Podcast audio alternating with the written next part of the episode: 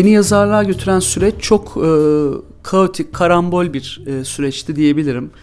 Ee, bunu da özellikle söylüyorum çünkü şey gibi bir algı oluyor bazen. Hani yazar olan insanlar baş, başından beri kendilerini bu şekilde koşulluyorlar ve buna göre planlıyorlar hayatlarını ve yazar oluyorlar. Aslında gerçekten böyle bir durum yok yani. Ben bunu işte bazen böyle okul etkinlikleri, liseye falan gittiğimde özellikle altın çizerek söylüyorum. Hani yazar olma niyeti olmayanlar varsa aranızda hani olma ihtimali daha yüksek. Ee, benim de hiç böyle bir niyetim yoktu.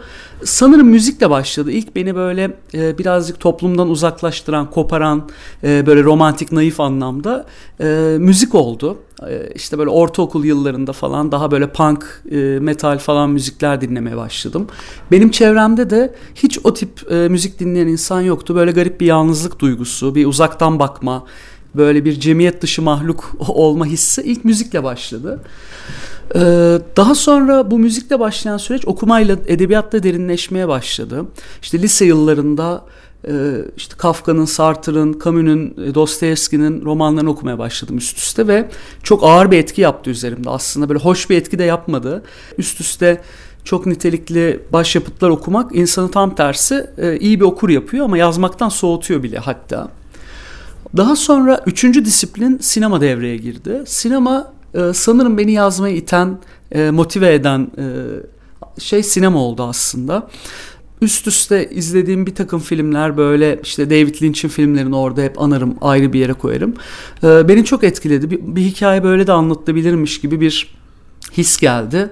Ve böyle kafamda dönüp duran ama cesaret edemediğim e, fikirler, hikaye konuları birden böyle bir kanal buldu o sinemanın etkisiyle. Yani müzik, edebiyat ve sinema gibi disiplinlerin e, karışımıyla kafada dönüp duran karma karışık fikirler, düşünceler eşliğinde kendimi kısa kısa öyküler yazarken buldum. Çoğu yazar gibi kısa öyküyle başladım ben de. Ee, daha sonra bu öykülerin e, birbirine çok yakın olduğunu fark ettim. Aslında bir romanın parçalarıydı yani. O kadar şuursuz bir süreç. Yani öykü yazacağım diye oturdum romana döndü. Hani hiç planladığım gibi gitmedi. Sonra bir e, roman dosyası oldu. Üniversite bittiğinde bir roman dosyasıyla döndüm İstanbul'a. Ee, ve ilk başvurduğum yayın evi Oğlak Yayınları basmayı kabul etti. Ee, çok da hazır değildim böyle bir şeye. Böyle bir süre hani fikir alırım, e, devam ederim yazmaya diye düşünüyordum. Hani geliştirmeye devam ederim diye. Çok hızlı gelişti benim için. Üniversiteden döndüm. Bir sene sonra 2002 yılında Oğlak Yayınları kabul etti basmayı ve birden kendimi işte kitabı çıkmış biri olarak, yazar demiyorum, kitabı çıkmış biri olarak buldum.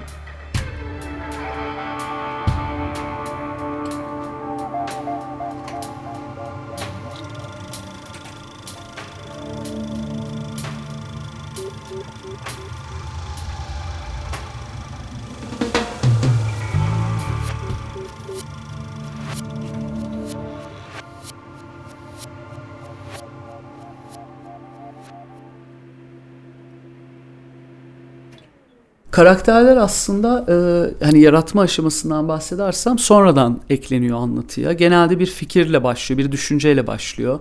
İşte mesela kentsel dönüşüm, e, bu steril hayatlar insanı bir noktadan sonra delirtebilir mesela. Bu düşünceden e, yola çıkılıyor. Ondan sonra bunu, bunun için çünkü bu bir inceleme deneme kitabı olmayacağı için bunun için bir karakter gerekiyor romana dönmesi için. Karakter o noktada aslında anlatıya, o fikre en iyi taşıyacak. İşte doğa tarihinde bu e, aynı zamanda bir baskı da vardı insan üzerindeki baskı. İşte bu baskının kadın üzerinde daha fazla, daha sert olduğunu düşündüğüm için e, kadın olmasını istedim. Doğa tarihi biraz ayrı bir yerde duruyor. Daha önceki romanlarımı düşünürsek oradaki karakterler daha böyle işte güvensiz, ürkek, e, şehrin tekinsizliği içinde kaybolmuş, gitmiş güvensiz karakterler aslında böyle paranoyak tipler. Şimdi doğa tarihi kadın ve bir plaza çalışanı olunca çok otomatik olarak benden ayrıldı. Daha öncekilerde hep şey karmaşası vardı. Acaba hani genç erkek olduğu zaman acaba yazarın kendisi mi diye. Ben de hep onu söylerim. Yani bu karakterler tabii ki bilinçaltından bir şeyler karışıyordur, kaçıyordur benden ama özünde hiç kendimden yola çıkmıyorum aslında. Yani o ortamı en iyi şekilde, o atmosferi en iyi şekilde taşıyacak bir karakter düşünüyorum ve ben nasıl davranırdım, ben bu durumda ne yapardım diye değil de hep geriye çekilip bu karakter bu durumda ne yapar, ne der, ne yer, ne içer, bu karakter nasıl müzik dinler diye hiçbir zaman kendimi referansa almayıp hep o karaktere odaklanıyorum. Mümkün olduğunca dışarıdan aslında bakmaya çalışıyorum. Ee, ve böyle rahatsız edici, ürkek, e, tuhaf karakterler ortaya çıkıyor. Hani e, ben kendim o kadar e, paranoyak olsaydım boğulup giderdim içinde. Yani dışarıdan bakamazdım. Biraz ayık bir zihinle o kafası karışık bulanık insanlara dışarıdan bakmak gibi bir denge var sanırım karakterlerle aramda.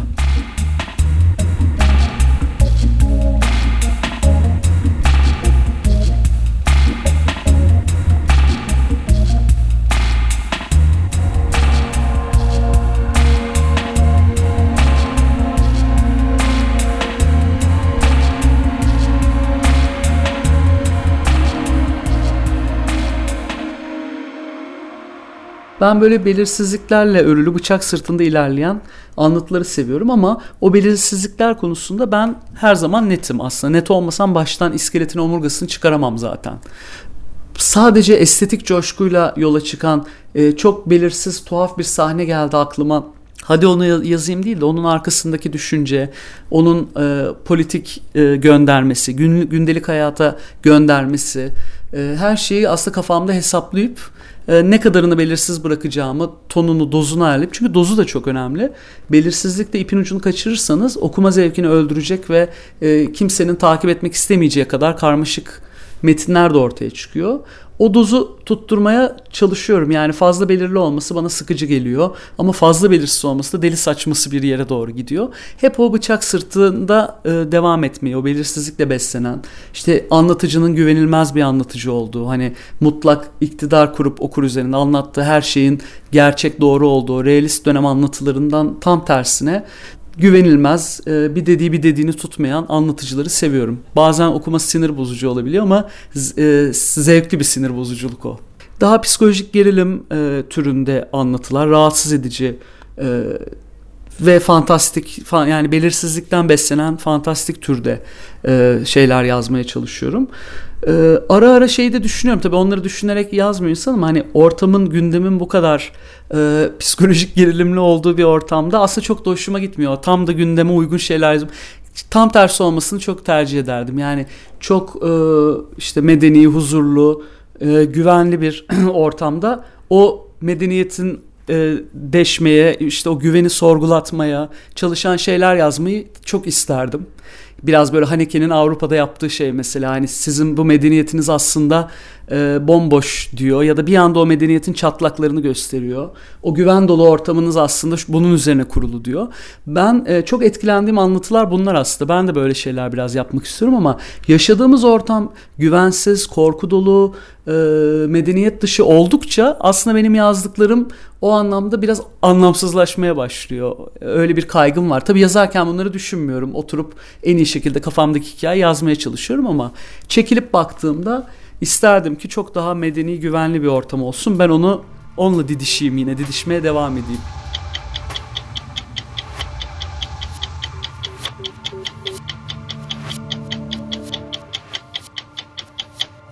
Gittikçe sertleşen bir iklim var. Belirsizlik iklimi. Yani günlük hayatı çok etkileyen siyasi iklim, toplumsal ortam.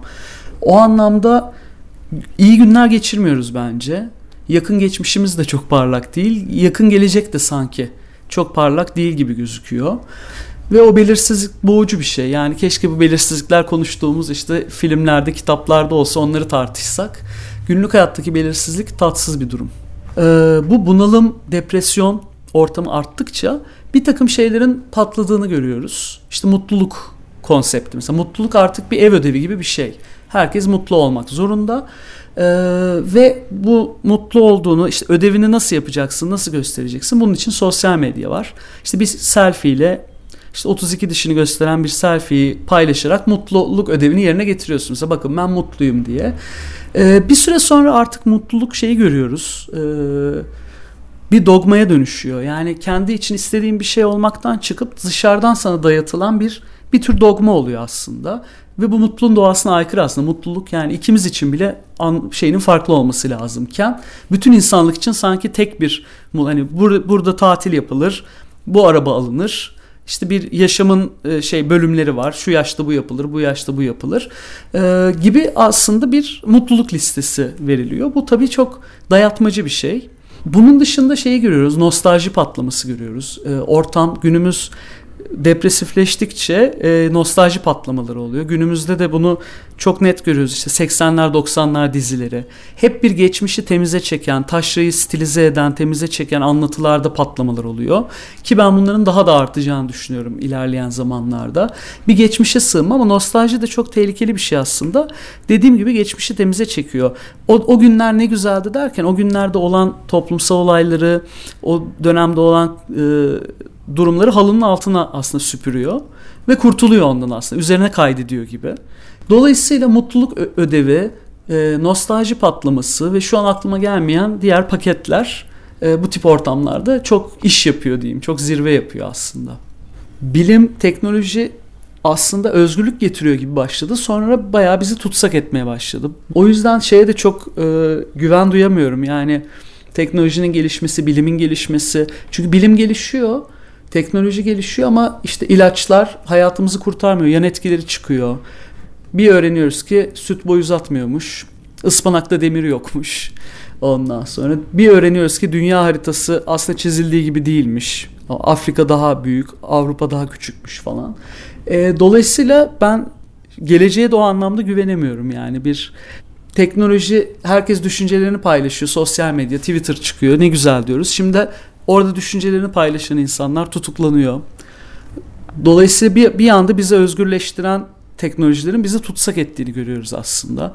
Tıpkı bu 1984'teki tele ekranlar vardır insanların evlerinde. Onlar evlerindeki tele ekranlar dolayısıyla düşünce suçlusu ilan edilirler. George Orwell'in hayal gücü diyoruz ama bugün bayağı işte ev, elimizdeki, evimizdeki o Twitter ekranları bayağı insanları düşünce suçlusu ilan ediyor mesela. Ee, dolayısıyla bu distopyalarda anlatılan geleceğe doğru ben biraz gittiğimizi düşünüyorum.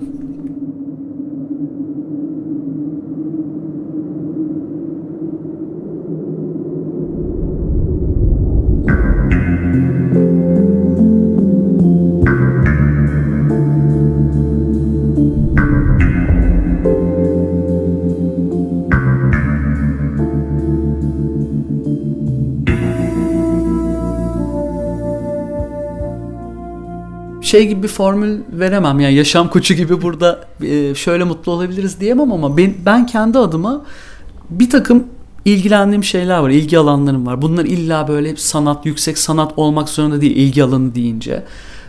Kafayı taktığın, oyalandığın herkesin bir şeyler olabilir ve bunları bunların derinleşmesi, bunlarla ilgilenme, bunlarla vakit geçirme bence çok değerli bir şey ve bizim e, toplumumuzda ben bunun çok eksikliğini görüyorum. Yani bir şey telaşı var e, mesela. Her şeyden biraz bileyim, her şeyi biraz takip edeyim, her şeye hakim olayım. İşte şu sergi gelmiş ona gideyim, bu film mutlaka görmem lazım, şu kitap çıkmış okuyayım gibi bir panik duygusuyla bir böyle alarm halinde her şeyden biraz biraz ama şeyi görüyoruz. Hiçbir şeyle derinlemesine bir ilişki kurulamıyor.